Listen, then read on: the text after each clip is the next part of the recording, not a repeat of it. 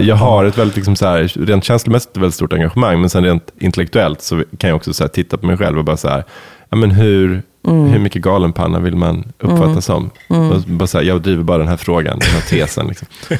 Ja, och så tänker jag att det liksom är lite klurigt att göra så här i plus 40-åren. Alltså att det, att det liksom... Jag förstår inte alls vad du menar. Ageism, ageism. Ja, men om vi, där vi började den här göra. diskussionen, att, att det finns något härligt och liksom utan Jaha, du ramar menar så. Okej, ja, när man är ja, ung. precis, du kan ja. du bara kasta, ja, du men det är bara inte... så här, fuck it all. Exakt. Man är mer punk. Liksom. Exakt, du är punk och du liksom, kostnaden är otydlig Ja, i alla precis. fall. Mm. Eh, och, Nej, men du fattar vad du menar. Ja. Mm. Jag tror med Jag att man är trött, inte. man måste gå och lägga sig tidigt. Du kan inte få upp något engagemang eller känslor för något.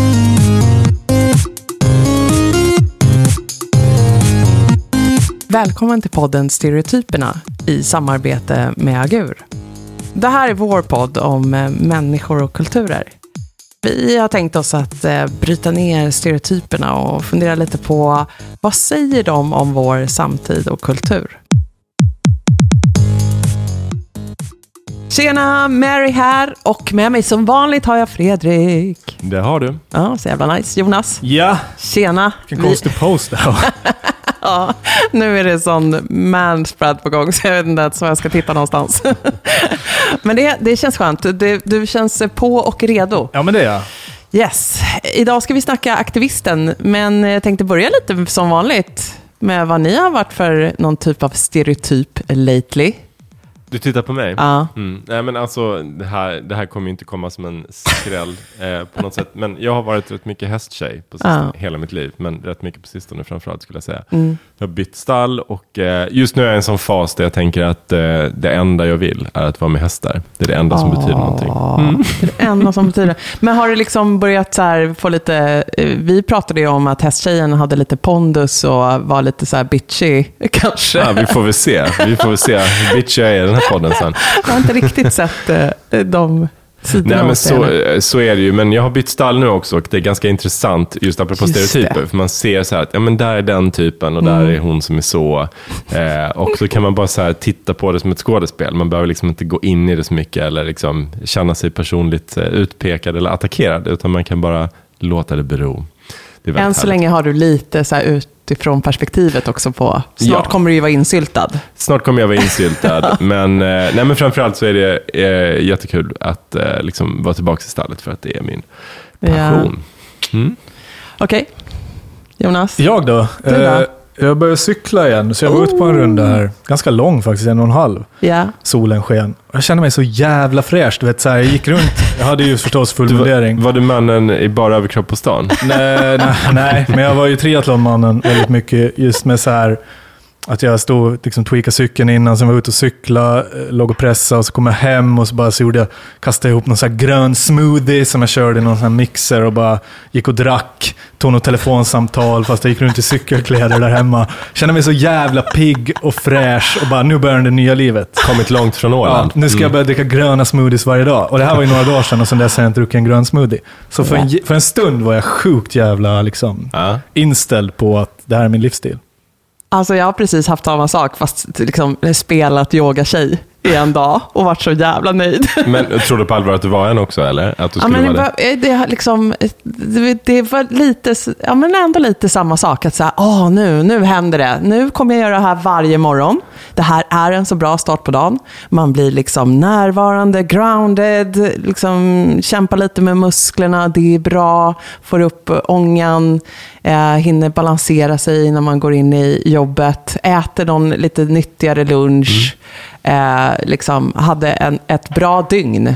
Eh, och sen gjorde jag inte yoga då morgonen på. Så, att, så här, det höll inte i sig så jävla länge. Kanske livet. Kanske livet. Ja. Min, Sen- min målbild är ju eh, Carolina af Ugglas. Hon, hon red ju så här till Konsum och så. Jag vet inte om hon bodde någonstans i Täby eller någonting. Men eh, det, är min, det är min dröm att en dag rida till jobbet. Det är kanske inte lite direkt så en hästtjej. Då tänker jag mer cowboy, så urban Ja, men cowboy. alltså, sign me up. Cowboy, any day. Gärna det också. Any day där. För att börja lobba för så här cykelvägar och så ska det vara ridvägar. Ja, alltså fatta, bara för att se facet på alla de här gubbarna vara- i sina spandex vara- när jag bara galopperar förbi. Det är där vallack. vi kommer se att du blir aktivist. Ja, Det här är en så jävla bra segway till att det är där man liksom ser dig med plakat och... För förut har du ju, eh, tänker jag, att du ändå har lite varit aktivisten för att eh, innerstan borde vara mer levande. Mm, men det blir det nu om man galopperar runt cykelbanor, skulle jag säga. det blir det ju det blir livat. All right. Aktivisten då, vad är det för eh, person eh, ni ser, typ ni ser framför er? Ja, men alltså, jag tänker så här, att eh, vi lever ju verkligen i aktivismens tidevarv. Eh, man kan vara aktivist på väldigt många olika sätt, men om man bara ska bena ut begreppen så tänker jag så här, att om jag eh, till exempel så här, engagerar mig i eh, barn, jobbar extra för BRIS eller något sånt, barn som far illa, eh, då kan jag säga att jag är en aktivist. Men om jag sen blir anställd på heltid Ja. som så här, kommunikationschef på BRIS, då är jag inte längre en aktivist, utan då jobbar jag bara för en organisation som har en social agenda. Det tycker jag är skillnaden. Men alltså, där, jag skulle inte säga att om du hjälper till på BRIS är du inte en aktivist. Du är mer en volontär. Okej, då- ja, ja, men okej. Skitsamma, om jag gör någonting på min fritid, jag hjälper någon som har farit illa eller jag eh, tar något, eget- gör något eget, tar något eget initiativ. Min poäng är så här att om man är aktivist så tycker jag då tar man av sina egna resurser, av Ja. sin tid, av sin energi, av sina pengar eh, och gör det eh, ja, ideellt. Ja. Och jag tänker också att det är, ehm, eller den Eller? definitionen jag såg, att det också handlar om att man vill påverka politiska beslut. Det tycker jag är ganska bra, liksom att så här, skilja aktivisten kanske från, jag är ganska engagerad då i något så här, eh, fritidssyssla. Eller Ja, men liksom, absolut. Okej, alltså men att det är ja, så här, ja. jag vill påverka något inom vårt samhälle. Det är liksom klimatet, eller det är barnens rättighet, eller kvinnors Ja, rättigheter. men är sant. eller liksom. Men jag tänker de flesta sådana här organisationer som BRIS, Ja, menar, det handlar de rätt mycket ju- om att bara hjälpa någon tioåring i panik, men det handlar väl också om att driva den Yes. frågan liksom, Yes. eh, politiskt och, eh, och liksom få upp den på agendan. Och så. Ja, och jag, jag håller med dig om det, att när du väl liksom har fått- den anställningen, i sånt fall, eh, för ett ämne du brinner för, ja, då blir du ju mer en aktör liksom, Ja. inom den arenan och du har i uppdrag, liksom, Ja. re- rent på pappret, att verka för de här frågorna. Då, då har du kanske lite lämnat dina aktivistdagar bakom dig. Men apropå det så, så var jag aktivist väldigt tidigt i livet. Eh, min aktivistkarriär började redan på mellanstadiet, när jag var, ja, men var jag gulligt. 10, 11 eller något sånt. Jag och min bästa kompis, vi var eh, djurvänner av rang. Eh, och eh, då tyckte vi så här, djurförsök, mm, mm, ingen bra grej. Gillar inte djurförsök. Tidigt. Tidigt ändå. Ja. Och eh, en, en väldigt banbrytande åsikt. I, icke. Nej, men vi var mot eh, djurförsök. Men, eh, och det fanns det ju redan på den tiden fanns ju en så här riksorganisation eh, för detta, för den frågan. Alltså det var, det var väldigt mycket på tapeten redan då. Plågsamma djurförsök. Men av någon anledning som jag fortfarande inte förstår så gick vi liksom inte med den, utan vi bestämde att vi startar en egen organisation som är typ samma sak, fast bara i vår lilla förort. Liksom. Eh, så att vi tryckte upp så här papper och liksom, eh, jag gick och delade ut i brevlådor så här eh, A4-blad där det stod så här, så här stor yta har ett burhöns och så, så att alla skulle fatta det i, liksom, i området. Men Fan sen, sen, värsta byråprodukten. här. eller hur? Men sen när vi, när, hittade vi de här papperna sen några år senare, när vi kanske bara var i tonåren, men då upptäckte jag att vi hade ju liksom, vi hade inte så bra koll på pre- prepositioner, så vår förening hette alltså eh, Föreningen för plågsamma djurförsök. Just för plågsam djurförsök också. så det måste blivit väldigt förvirrat där, när, när Benny Svensson Ja. öppnade brevlådan och hittade det där A4-pappret. Tycker de det är bra eller tycker de det är dåligt? är det tillräckligt? Ja, eller? det är tydligt. Jag menar, hon kan ju röra på sig, vadå? Det är inte... Ja, jag Det här inte. känns som Hassan, så här. Det där schampot för mjäll. Ja, men exakt. Ja, men det är precis så. Ja, men, eller ja. emot, eller Ja. hur var det nu? Ja. Men liksom, jag, jag gillade ändå den andan. Så här, jag, hoppas, jag hade Ja, önskat att jag kunde liksom hålla fast vid den lite mer i livet. Jag hade, eh, under, i min mellanstadieklass så hade jag Daniel. Eh, Shoutout till Daniel om man råkar lyssna på det här. Eh, och i vår lilla förort, eh, så det här tyder ju på lite hur gammal jag är och vad som har hänt med världen.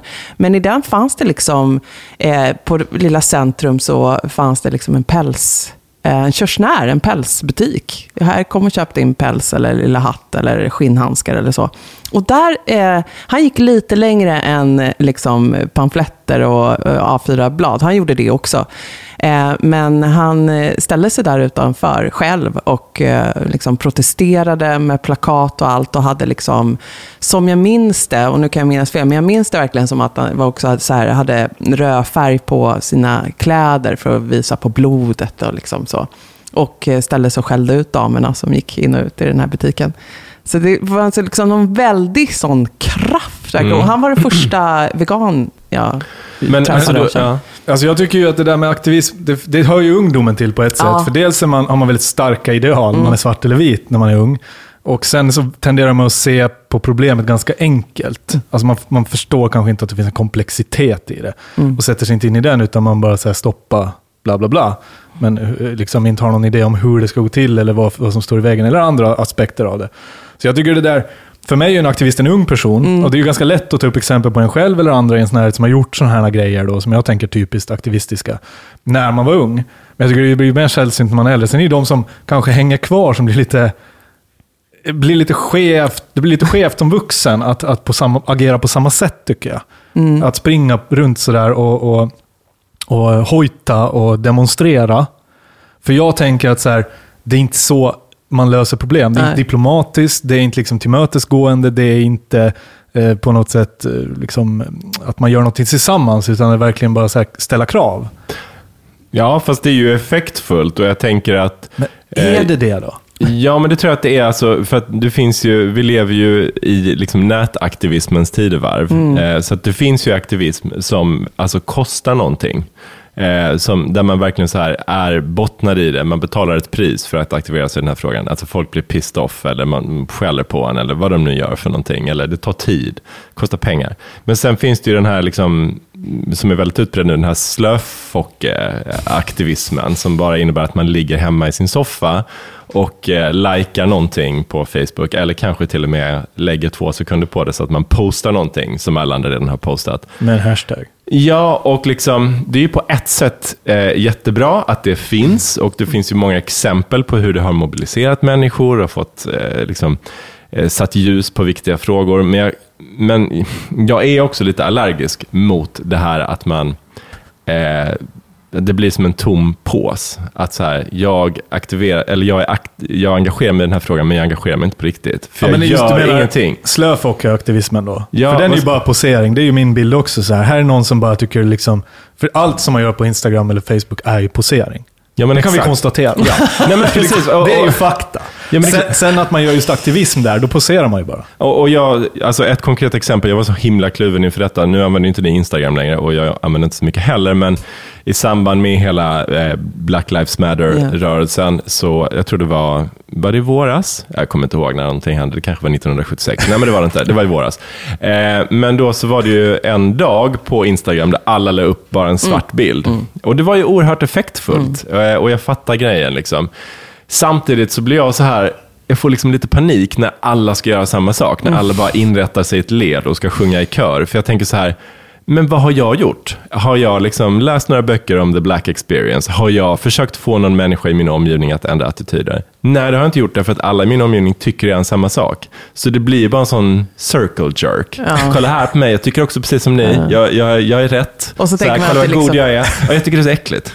Ja, och så pågår det ju i din filterbubbla då. Ja, alltså, men det exakt. når ju inte ut liksom, Men det som jag stör mig kanske. på- Men, men det jag är kluven. Jag, Ja. jag vet inte vad jag Det tycker som jag stör mig på är det där också, att det är så bekvämt att bara... För sen går man bara vidare. Ja, Sen har är man gjort shit, inom citattecken. Ja. Liksom, och så kan man liksom sitta och äta morgonmacka nästa dag med gott samvete. Ja. Och så kanske fokus om en månad är på någonting helt annat och så är man där och postar och tycker det är fräscht. och, och sen så är man då till de här fem procenten som inte har gjort det, så undrar man så här, aha, ja, då kanske andra tror att men jag, är, jag är rasist. Ja. liksom. det blir så här, ja. Men den andra delen av det här tycker jag ändå liksom ger effekt. Det är klart att det, det eh, har gett effekt att man i USA togs ut på Absolut, gatorna. Och liksom, eller då i metoo-rörelsen stickade liksom ihop en, en liten eh, rosa katt eh, mössa av något slag yes. och liksom, eh, visade att nu får det vara nog. Och liksom, det, alltså, hmm, det tar ju tid att göra sådana här förändringar, för de är kulturellt så sitter så hårt i oss människor. Och, eh, men, men det är klart att det, det får effekt, eh, även om effekterna är små och kommer krävas lång tid. Jag håller helt med, men, men jag tror bara så här att min, min känsla kring det handlar om att jag önskar att alla som på ytan var eh, det. aktivister faktiskt också gjorde någonting som gjorde lite ont eller liksom tog lite av deras resurser. Det handlar, man kan ju prata om det här när det gäller företagsaktivism också och det Ja. har ju varit väldigt mycket i fokus på senare år. Att så här, företag som påstår att de eh, står för någonting positivt i samhället, vad gör de egentligen? Och ofta så märker man ju att de försöker balansera på liksom två ben och, och sen så står de och vinglar och ramlar omkull för att de bottnar inte riktigt i det. Liksom. Men okej, vi har två aktivister hittills då. Vi har den här eh, barnet. Gillar Det- den. det ideologiska Greta, barnet. Greta Thunberg är Ja, ju det bästa ja, exemplet. absolut. Mm. Eh, Sen har vi då den här slöfocken. Eh, Som bara lägger upp ett inlägg och tycker den har gjort ett, någonting. Och sen går vidare i livet. Och sen har vi då den andra vuxna. Som inte har berört så mycket ännu.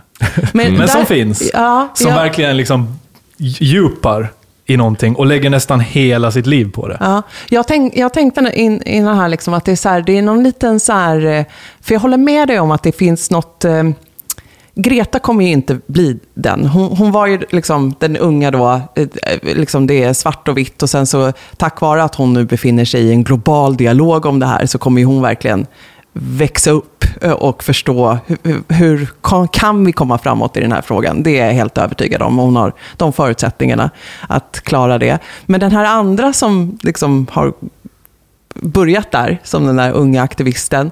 Det finns något liksom lite naivt över den vuxna som fortsätter liksom se det svart och vitt. Och, eh, det blir lite så här hippie eller någonting av, av den personen tycker jag. Och den är, den, den, den är ju liksom faktabaserad men, men kan liksom på något sätt upplevas lite foliehatt. Förstår ni vad jag menar? Att det, liksom, det är n- som att jag ser så tydligt någon konspiration eller någonting som är hinder här och liksom, jag fortsätter med den här frågan eh, hela mitt liv eh, och eh, vägrar ta in liksom, eh, komplexiteten i det. men eller- ligger inte det i aktivismens natur då? Att den måste vara eh, Ja. så lite entydig, för att annars blir det ju inte effektfullt. Annars blir det liksom inte in your face. Man måste lägga sig på gatan och täcka Ja. sig med rö- röd färg för att, åh, för att folk ska reagera, för att man ska få någon, eh, någon respons. Liksom. Eh, och sen kan man ju Yes. problematisera det där och säga att ja, men alla delar av pälsindustrin är kanske inte eh, liksom superdestruktiva eller elaka. Eller, jag vet inte, det var kanske ett dåligt Mm. Men det är exempel. väl därför de blir lite som jag är inne på här, lite en outlier, alltså någon, någon liten outsider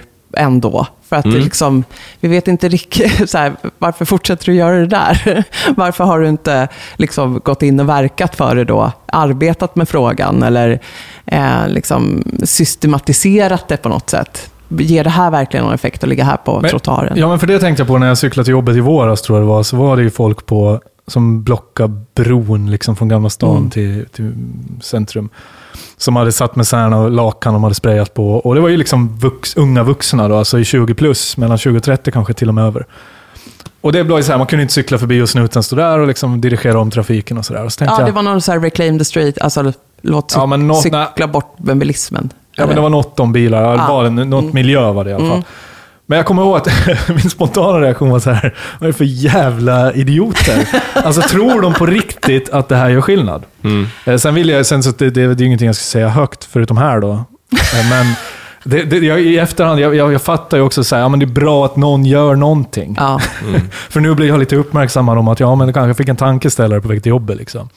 Ja, men Eh, precis. Men den men- typen av aktivism, Mm. man sätter sig ner, typ, kedjar sig fast runt ett träd. Hela Greenpeace, liksom, deras hela grej är ju att vara eh, ute och jävlas Mm. med de som försöker göra fula saker. Eh, s- och jag gillar ju den typen av aktivism, men jag tror den behöver balanseras med någon som faktiskt sätter sig i, i rum och pratar också. För jag läste en intressant artikel, jag kommer inte ihåg om det var Le Monde eller någonting, med, om just de här orangea västarna i Frankrike.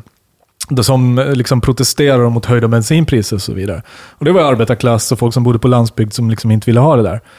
Så de blockade grejer och, och slutade jobba och så vidare. Det som hände var ju, alltså det, det som den här artikeln handlade om var så här att en, en rörelse utan en ledare Just det. kan inte eh, uppnå sina mål. Nej. För att om inte någon kan sätta sig i rummet och ha tydliga idéer om vad är det vi vill och föra fram dem till liksom, personerna runt ett bord eh, som, som kan ta, fatta beslut om det här så, och, och, och bearbeta och argumentera för dem.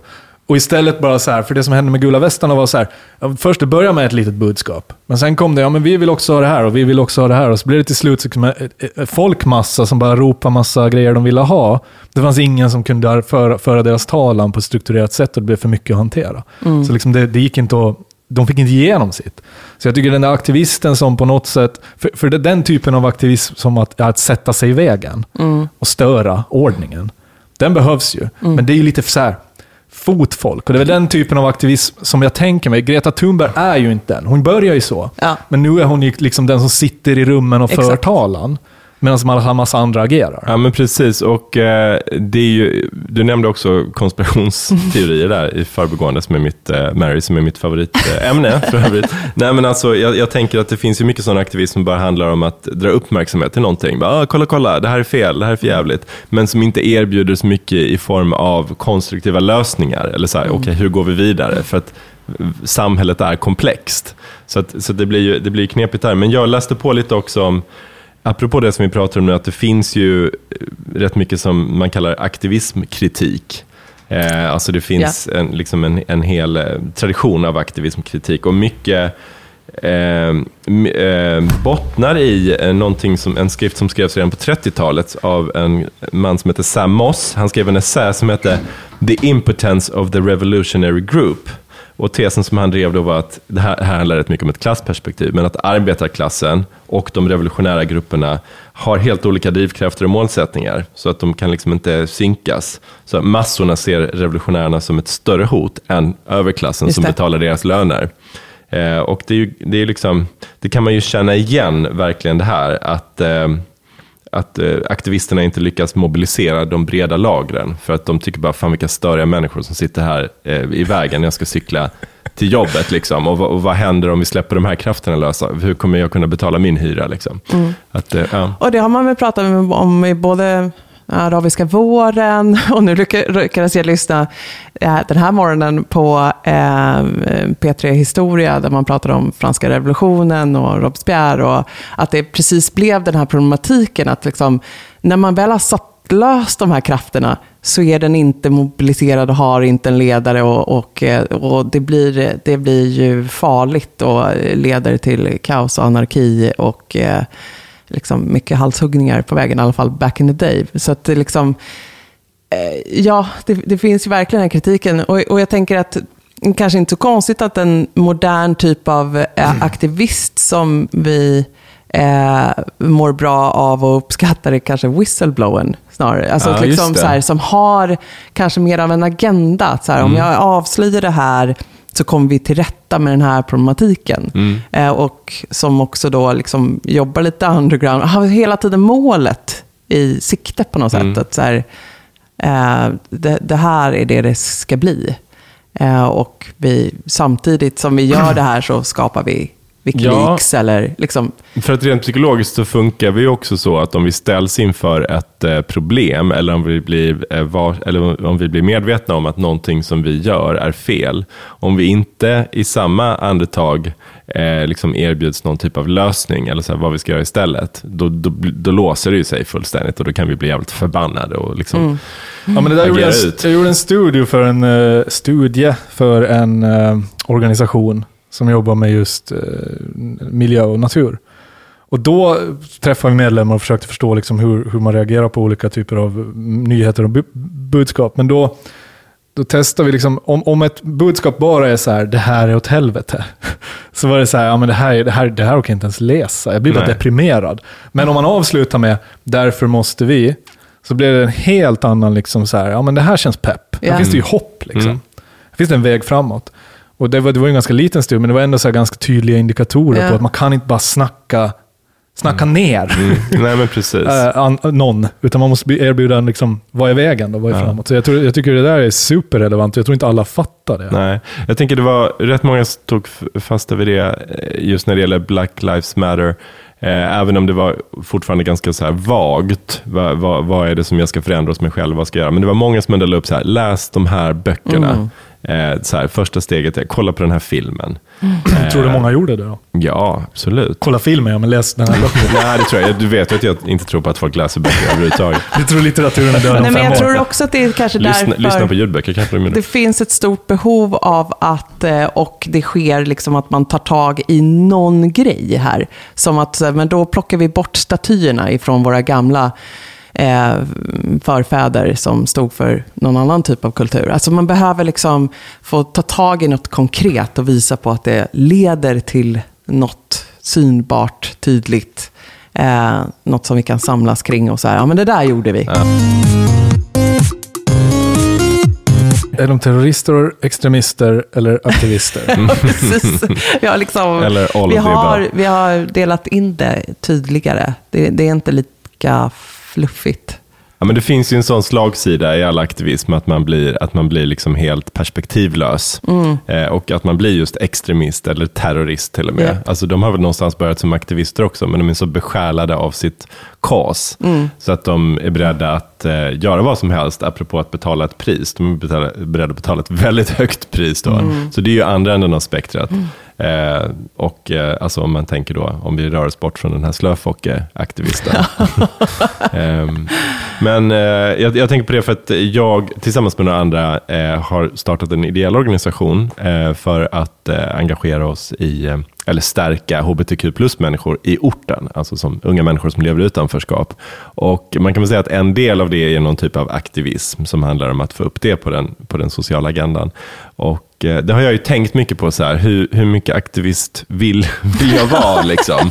Vad får det här hur kosta? mycket galenpanna? Ja, men vad får det kosta? Men exakt, ja. precis. Eh, för att jag har ett väldigt, liksom så här, rent känslomässigt väldigt stort engagemang, men sen rent intellektuellt så kan jag också så här, titta på mig själv och bara så här, ja, men hur, Mm. hur mycket galenpanna vill man uppfattas som? Och bara så här, jag driver bara den här frågan, den här tesen. Liksom. Ja, och så tänker jag att det liksom är lite klurigt att göra så här i plus 40-åren. Alltså att det, att det liksom... Jag förstår inte alls vad det är. Ageism, ageism. Ja, men om vi, där vi började den här diskussionen, att, att det finns något härligt och liksom utan Jaha, du ramar menar så. Okej, ja, när man är ja, ung. precis, du kan ja. du bara kasta, ja, du men det är bara inte... så här, fuck it all. Exakt. Man är mer punk. Liksom. Exakt, du är Mm. punk och du liksom, kostnaden är otydlig Ja, i alla fall. Mm. Eh, och, Nej, men du fattar vad du menar. Ja. Mm. Jag tror att man är trött, inte. man måste gå och lägga sig tidigt. Du kan inte få upp något engagemang eller känslor för något. Kära Fredrik, de dagarna är över. Man tycker ingenting längre. Bara så här, vad är det för Let's Dance? Nej, men, och, Ja, men och den- den där du kanske tycker ja. ännu mer faktiskt Mm. och har liksom en, en liksom, eh, brinner för det på, på ett mer, eh, det, det djupar i dig på Mm. ett annat sätt. Men, det, men eh, som sagt var det är svårare att liksom bara eh, hänge sig helt liksom, förbehållslöst i. Men alltså det här med just den där typen av ak- aktivism då. Den är ju ganska light. För du är liksom, det är inte, det är inte hela dig, det är inte en stor del av dig. Du, är liksom inte, du, du kanske inte kastar dig ut allt för hårt i det där. Du går inte liksom på barrikaderna. Nej, men jag skulle, du- skulle du- ju rent teoretiskt kunna göra Du det. Om jag hade tid. göra Om jag hade tid. Ja, om du tid. Ork. Nej, men, för jag tänker den här snubben med rasta och hoodie. Han, om jag tänker på Occupy Wall Street till exempel. Att sätta sig och tälta i Brunkebergsparken utanför Riksbanken. Ja. Eh, och bara på obestämd tid. Jag tänker det är så här. Att, att, att, för att Nils Ferlin skrev, skrev någon dikt om det här, vet jag, som handlar om, andemeningen var typ så här, jag gick där barrikaden, jag kastade sten. Det var inte för, jag tror det handlade om franska revolutionen, det var inte för Frankrike, det var bara för att det var jävligt kul Ja. avslutas den dikten. Och jag tänkte så här, det, det kan ju vara mycket det där också, man bara tycker det är så jävla kul. Det är inte, jag behöver inte gå till jobbet idag. För jag gör någonting liksom fett. Jag sätter mig och tältar på Occupy Wall Street och det är liksom, eh, då, då, då är det spännande, jag träffar nya människor, det händer någonting i mitt liv. Men, Ja, men det ligger ju för, för en sökare också. Ja. Och liksom som både söker mål och mening och sammanhang. Ja, och... men det är ju eh, såklart, all aktivism är ju meningsskapande. Ja. Det är det, det är, man brinner ju för den. Om, om ni skulle bli aktivister, vi- vilken fråga är det mest sannolikt att ni skulle ligga på Drottninggatan Är det, är det in... Jag hoppas att det har framgått någon, att det är tydligt att jag är, är i alla fall slöfox-aktivist när det gäller kvinnors rätt i samhället och eh, unga Men du skulle kunna levla upp på den menar du eller? Ja, gud ja. Mm. Eh, och ha- har ju nu i i eh, släkten så eh, är det en av kvinnorna som, som kommer arbeta för liksom, kvinnors rätt till eh, liksom ett sexuellt eh, härligt liv. Och man var så här, here, here, fan, hur kan jag bidra här? Att få vara vit kvinna och leva i ett tryggt och stabilt förhållande. Mm. Och eh, liksom inte vara omskuren. Ja, precis. Mm. Och inte, inte vara utsatt på något sätt och inte behöva ja, liksom, eh, använda gräs och andra örter i min vagina för att min man ska uppleva den torr och som jag vore oskuld fortfarande. Vad fan, liksom, kvinnor lever i skit fortfarande. Mm. I så, så att, ja, verkligen, det skulle jag ju lätt kunna göra. Men, men det finns ju också något i det där, jag blir inte påmind dagligen. Jag lever ju då i min trygga vardag.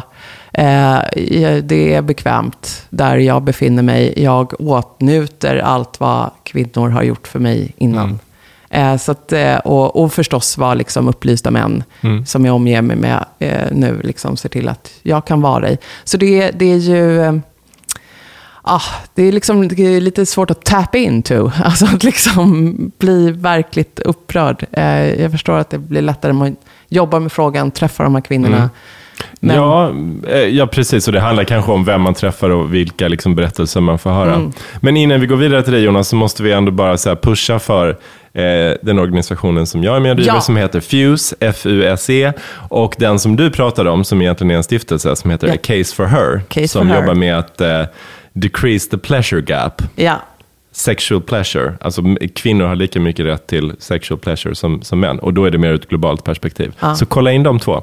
Jonas. Superbra att du eh, förklarade vad det är för organisation. Tack. Så nu har ni pluggat dem? Ja. Uh, vad, vad, var frågan för, till mig då? Om du skulle vara aktivist? Alltså just det här du sa, lägga sig på Drottninggatan. Alltså jag skulle aldrig göra det. För jag, jag tror inte det gör någon skillnad. När jag ser fem pers då demonstrera utanför en ambassad tänker jag, det där kommer inte att göra någon jävla skillnad. När jag, ser folk... jag vill vara med där det är skillnad. Ja, men om jag ser så här att en bild på att 10 000 pers har ställt sig på Sergels torg på en dag för att det är den dagen. Så tänker jag, det där gör ingen skillnad. Jag tror det är zero fucks given på liksom elitnivå där den här, de är som eventuellt kan ta besluten. För det är Men så komplext. kan du inte säga, det, det, det landar något, något litet frö sås någonstans. I ditt huvud till exempel. Du pratar ju om det här nu i alla fall. Nej, men alltså jag tänker så här, namningen skriv på den här listan för den här saken. Så tänker jag, varför det? Sen förstår jag kanske i vissa fall att ja, men får vi 100 000 underskrifter då kan vi föra det här till riksdagens mm. bord. Det liksom står i lagen. Okej, okay, men då fattar jag. 100 000 namnunderskrifter för mm. att det ska lyftas till den nivån. Men bara så här, vi har 18 000 personer som tycker så här zero fucks given på politikernivå, tror jag faktiskt. Helt ja. ärligt, jag är cynisk när det kommer till det.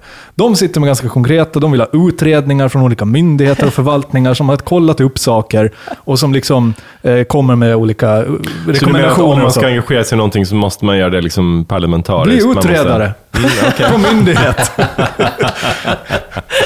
All right. Det är där vi hittar dig snart. Nej, jag, jag, jag, jag tycker Ty, faktiskt... Tydliga direktiv. Jag, tycker det där är komplicerat, för jag menar, det, det, är romantiskt att demonstrera. Jag tycker det finns någonting, en gång i tiden betydde det någonting och det var ett sätt att synas och så. Idag är ju snarare så här, det syns ju snarare online då. Där tänker jag, det är där man ser liksom, hur många är det som tycker så här. Mm. Men just det där att stå och demonstrera, jag, vet, det, det, jag, blir sor, jag blir sorgsen när jag ser det, för jag tänker att de där människorna, det där kan man sköta på ett annat sätt. Absolut, oss. det kommer inte leda till liksom en lagförändring på tre, sex, sex månaders sikt. Absolut inte, men all, alla sådana här processer tar jättelång tid. Och eh, liksom allting, alla stora förändringar i samhället kommer ju ur aktivism.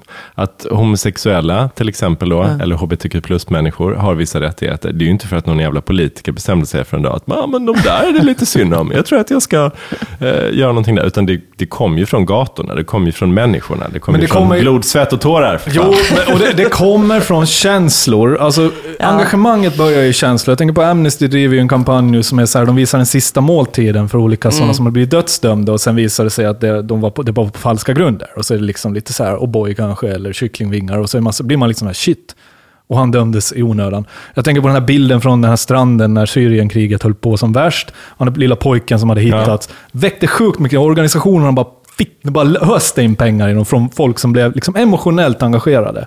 Mm. Och, och, sen så har vi ju Greta som sätter sig på framför riksdagen. Det skulle inte ha fått någon jävla publicitet om det inte hade kommit upp online. Och det var så här, här är en 15-åring som inte vill gå i skolan för hon tror inte det finns en framtid. Sjukt emotionellt. Och så engagerad och så blir jag intresserad. Jag fattar att triggern ligger i det emotionella. Ja. Men du kan inte prata i affekt när du Nej. vill skapa förändring. Du måste ha kunskap och fakta. Det är Säger liksom du det till din uppfattning. fru också? Ja, men alltså, alltså affekt. Japp, kan inte. hon får Ja, men göra en utredning.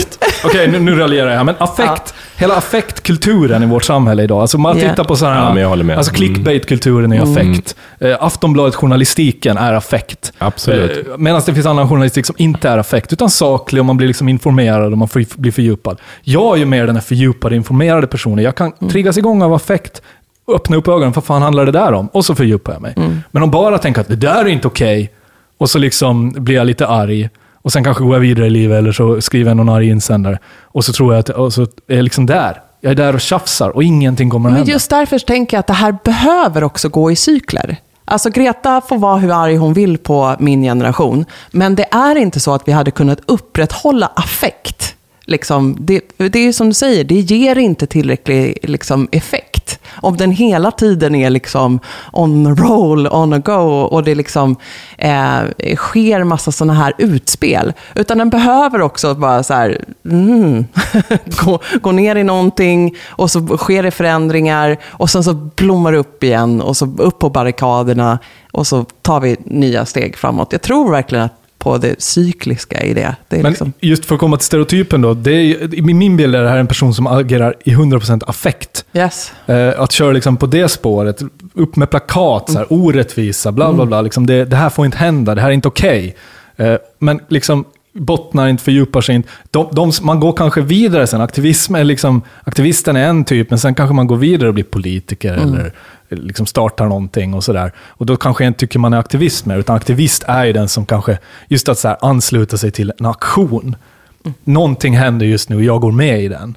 Och jag gör den grej som alla andra gör för att liksom få förändring. Men, jag tror, men det kommer ju inte att resultera till förändring. Du måste ju bli politiker eller bli utredare på Försäkringskassan. väldigt stor tilltro till de här utredarna.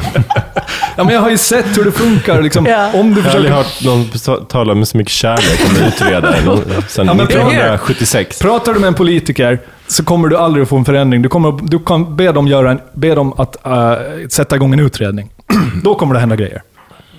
För då kommer liksom svaren från experterna i myndigheten och de litar på dem. Men om du som är enskild medborgare eller som har en liten organisation i civilsamhället kommer att börja härja på dem, så kommer de att tänka det där har jag ingen utredning om. Det är så de funkar. Nej men precis, de måste ju in i systemet på Men någon något måste, ju sätt. be, någon måste ju bestämma vad man ska utreda också. Ja, det är de. Mm. Så du kan ju få dem att göra en utredning. Men alltså den här jävla aktiviststereotypen då, vad har vi Ja. landat i här nu? Jag är inne på den här rastafari med hoodie, liksom Ja. den typen.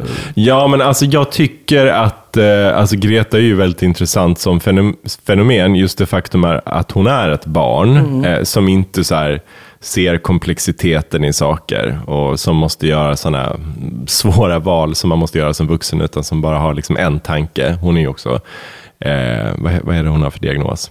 Autistisk eller någonting. Jo men det är hon ju. Nej, men det, ja, men det är klart att det bidrar. Det här forskats, eller det har skri- skrivits många artiklar om detta också. Det är klart att... Hänger ut henne. Nej men vadå hänger ut henne? Nu pratar hon ju själv Hänger, om också. hänger ut ett barn. Det gör jag inte alls. Eh, men det är, ju, det är ju ett intressant fenomen att hon har fått sån eh, liksom, impact. Eh, givet liksom, de här sakerna. Men, men det handlar väl om att eh, för att man verkligen ska nå ut som aktivist så måste man vara så här, bara följa en känsla och en idé. Liksom, för att det finns så mycket komplexitet i vår tillvaro. Ja, Och sen var det väl väldigt tydligt att eh, resten av gänget behövde en ledare. Alltså liksom hur, vad, vad ska jag göra med de här känslorna? Jag känner också att eh, morgondagen ser lite mörk ut. Men eh, det blir inte så mycket av den känslan. Det blir tydligare och bättre när jag får någon att följa. Någon att eh, liksom lägga min affekt hos. Mm. Eh, och tack vare det då så kan vi också få effekt. Liksom att Mm. det, det kommer in i, i rummen där besluten tas. Nej, men alltså, jag tycker det är, det är jättebra, men, men jag har den här liksom kluvenheten inför aktivism som inte är aktivism på riktigt. Samma sak med liksom Greta, att man omhuldar Mm. henne och tycker att hon är bäst i hela världen. Men man åker fortfarande på semester tre gånger om året. Alltså man, gör, man gör ingen jävla förändring i sitt liv och, och äter kött och liksom, men gör någonting eller skit i att liksom hylla henne. Ja, kan det är alltid mitt, favorit. Välj sida för fan. Ja, Det kanske du har berättat i den här podden tidigare, men också att man sen liksom kan shamea dem som, som bara liksom åkte iväg på resan. Men så skrev inte du Nej, någonting alltså- om klimatet för en vecka sedan och nu sitter du på det här jävla flyget? Jag har Okej. absolut inget problem med att man åker till Thailand tre gånger om året om man vill göra det. Men jag tycker att man, man måste liksom bottna i, i den svansföring man har just när det gäller aktivism. Men jag tänker också aktivisten kan ju lätt bli den här, som vi, när vi pratar om konspirationsteoretiker, den här som kan förstöra en fest. Alltså Ja, man sitter på en middag och så, för, Ja. för det, på något sätt så definieras det lite av liksom brist, frånvaro av humor Ja. i, Ja. i, i liksom ämnet eller att man kan förhålla sig lite distanserat till det. Utan det, man blir så jäkla allvarlig och, och personligt påhopp i princip om du har ett argument mot Mm. eh, liksom den här frågan. Så det, det är ju också en sån här ganska knepig, kan ju vara en knepig person att ha omkring sig. Mycket, mycket. Mycket. Och i kombination med att det är en sökare, eh, liksom är ju också så här, åh gud, aha, nu har du hittat något nytt här då. Ja, men att alltså, så vadå? här, gå igång på. Tänk det, om ni skulle ha Greta Thunberg på middag, vad skulle ni våga säga till henne? Nej, jag Ingenting. vet inte. Det är Vad ska ni man... bjuda på för mat? Vad ska ni prata om vad ni ska göra i sommar? Ni Ja, skulle, nej. bara, Jag ska bara ni skulle inte kunna prata om någonting. Det skulle bli så här smart. Det är därför jag tänker att Eller man, hur? Man man blir liksom, skitförbannad. är, det- är det någonting man kan vara då ens liksom slöfox-aktivist eh, vara aktivist inom, måste det ju vara någonting som ligger mig nära och som jag förstår mig på. För det är det enda jag vågar uttala mig om. Så, att, så här, det är inte konstigt att när du frågar mig så väljer jag liksom kvinnor. Ja. Jag har fan en egen vagina. Jag vet liksom eh, så här, hur fantastiskt tråkigt livet vore om jag inte eh, upplevde njutning. Men jag, liksom det, det blir svårt, så här, Black Lives Matter. Liksom, mm, såklart det gör, och det är klart jag vill stötta här, men ja, jag behöver nog läsa sju böcker innan jag Mm. vågar sitta på någon middag och vara på riktigt engagerad. Eller, för jag är liksom akut medveten om mitt vita ansikte och mitt privilegium att växa Ja, men du får köra de säkra korten bara. Fascism, eh, djurplågeri. Nazism kan man vara emot. Emot. Ja, Nej, men det, det är bra. Nej, men alltså jag, bara för att eh, eh, förtydliga där så är jag väldigt kluven. För jag kan ju se att det är jättebra också att man Ja. lyckas mobilisera så många människor och få upp Yes. det på agendan. Så att, ja, förstår ni vad jag menar? Ja, och, och det ligger väl liksom för oss att vara den där kanske-mannen då. Att, så här, väl liksom att man blir väldigt eh, ambivalent i det här vuxna sättet att engagera sig. Och, och att det är lite så här, kanske naivt att gå igång med all affekt, liksom, för det kommer inte ge effekt. Och sen är det också något sådär, är det här min fråga? Och liksom, vad kommer det vad kommer det här leda till och hur kan jag föra mig i det här samtalet? Vet jag verkligen vad jag uttalar mig om? Eller, alltså att man gör det svårt för sig också. Mm. Ja, men verkligen. Så därför kanske man behöver vara eh, lite mer den här eh, stereotypen du eh, eller vi har skissat Ja, de här. behövs ju. Ja, men att det blir lite så här hippie, det blir lite rastaflätor, det blir lite sökaren. Den som är lite redan eh, står utanför, blickar in eller tittar på den här gruppen som aldrig gör något och som aldrig vågar. Utan eh, det är någon som, som kan satsa.